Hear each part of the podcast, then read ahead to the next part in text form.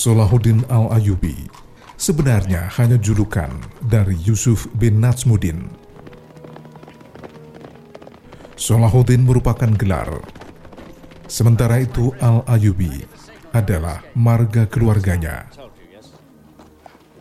Ia lahir tahun 532 Hijriah atau 1138 Masehi di Tikrit, sebuah wilayah di Kurdi, Irak Utara. Usia 14 tahun, Solahuddin ikut kerabatnya ke Damaskus, menjadi tentara Sultan Nuruddin, penguasa Suriah waktu itu. Karena pemberani, pangkatnya naik setelah tentara Zangi yang dipimpin oleh pamannya sendiri, Sirkum, berhasil memukul mundur pasukan salib dari perbatasan Mesir.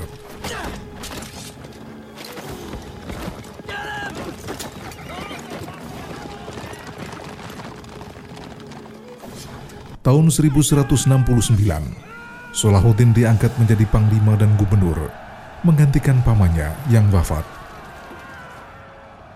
Setelah berhasil mengadakan pemilihan dan penataan kembali sistem ekonomi dan pertahanan Mesir, Solahuddin mulai menyusun strategi untuk membebaskan Baitul Maqdis dari cengkeraman tentara salib. Solahuddin Al-Ayubi dikenal sebagai penguasa yang selalu menjalankan kebenaran. Pada bulan September 1174, ia menekan penguasa dinasti Fatimiyah supaya tunduk dan patuh pada Khalifah Daulah Abbasiyah di Baghdad. Tiga tahun kemudian, sesudah kematian Sultan Nuruddin, Solahuddin Al-Ayyubi memperluas kekuasaannya ke Suriah dan utara Mesopotamia Satu persatu wilayah penting berhasil dikuasai, seperti Damaskus, Aleppo, dan Mosul. Ketika menaklukkan Kairo, Salahuddin Al-Ayubi tak pernah mengusir keluarga dinasti Fatimiyah dari istananya.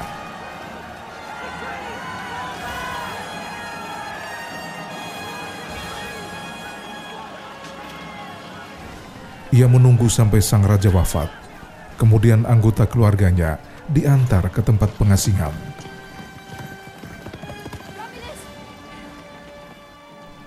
Gerbang kota tempat benteng istana dibuka untuk umum. Rakyat dibolehkan tinggal di kawasan yang dulunya khusus untuk para bangsawan Bani Fatimiyah. Di Kairo, Solahuddin Al-Ayubi tak hanya membangun masjid dan benteng, tapi juga sekolah, rumah sakit, dan gereja.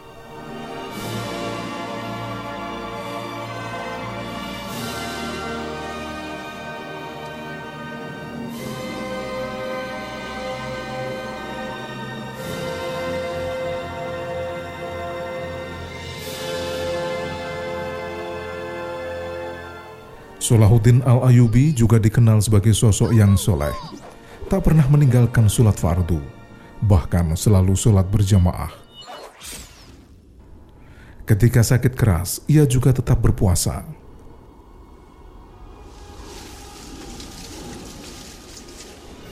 Solahuddin sangat dekat dan dicintai rakyatnya. Ia menetapkan hari Senin dan Selasa sebagai waktu tatap muka dan menerima siapa saja yang memerlukan bantuan tanpa pilih kasih.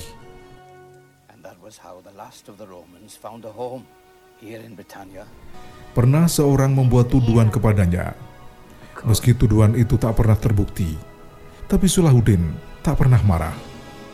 Ia bahkan menghadiahkan orang yang menuduhnya itu sehelai jubah dan beberapa pemberian lain. Ia memang senang menyedekahkan apa saja, khususnya para tamu.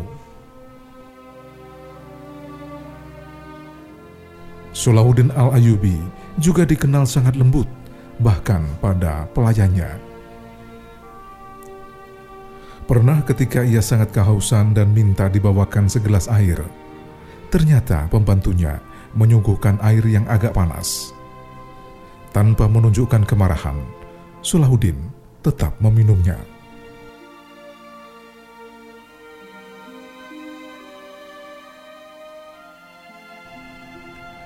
Perjanjian yang ditandatangani oleh Khalifah Umar bin Khattab dan Uskup Sopronius menyusul jatuhnya Antioch, Damaskus dan Yerusalem di tahun 636 Masehi menyebabkan orang-orang Islam, Yahudi dan Nasrani hidup rukun dan makmur di Suriah dan Palestina.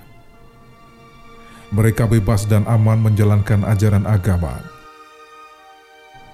namun kerukunan yang telah berlangsung selama lebih dari 450 tahun itu porak-poranda akibat berbagai hasutan dan fitnah yang dilancarkan oleh seseorang bernama Ermite.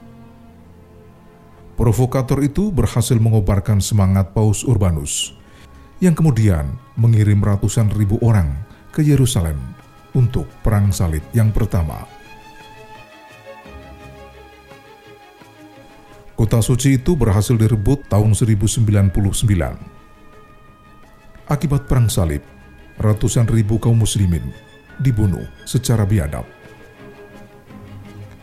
Menyadari pentingnya kedudukan Baitul Maqdis bagi umat Islam dan mendengar kedoliman orang-orang Kristen, tahun 1187, Salahuddin memimpin serangan ke Yerusalem.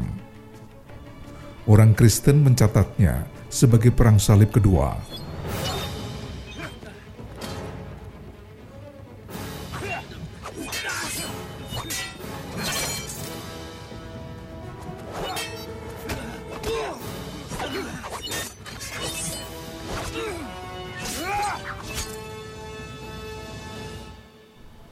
pasukan Sulahuddin berhasil mengalahkan tentara Kristen dalam sebuah pertempuran sengit di Hitin, Galilei pada 4 Juli 1187.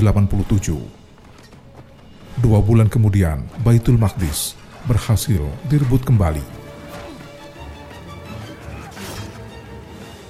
Berita jatuhnya Yerusalem menggegerkan seluruh dunia, khususnya Eropa. Tahun 1189, tentara Kristen melancarkan serangan balik sehingga pecah Perang Salib ketiga yang dipimpin langsung oleh Kaisar Jerman, Frederick Barbarossa, Raja Prancis, Philip Augustus, dan Raja Inggris Richard.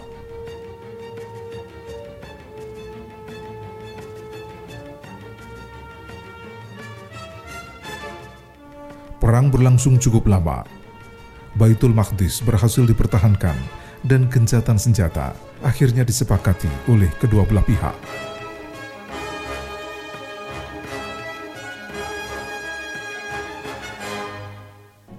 Tahun 1192, Sulahuddin dan Raja Richard menandatangani perjanjian damai yang isinya membagi wilayah Palestina menjadi dua.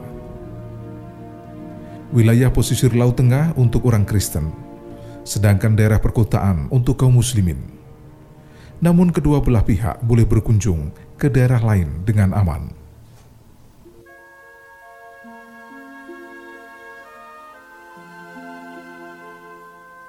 Setahun kemudian, tepatnya 4 Maret 1193, Sulahuddin al-Ayubi wafat di Damaskus. Selama hidup, Sulahuddin al-Ayubi tak pernah mempunyai harta benda yang berarti padahal ia adalah seorang pemimpin. Kezuhudan Solahuddin Al-Ayubi tertuang dalam ucapannya yang selalu abadi. Ada orang yang baginya uang dan debu sama saja.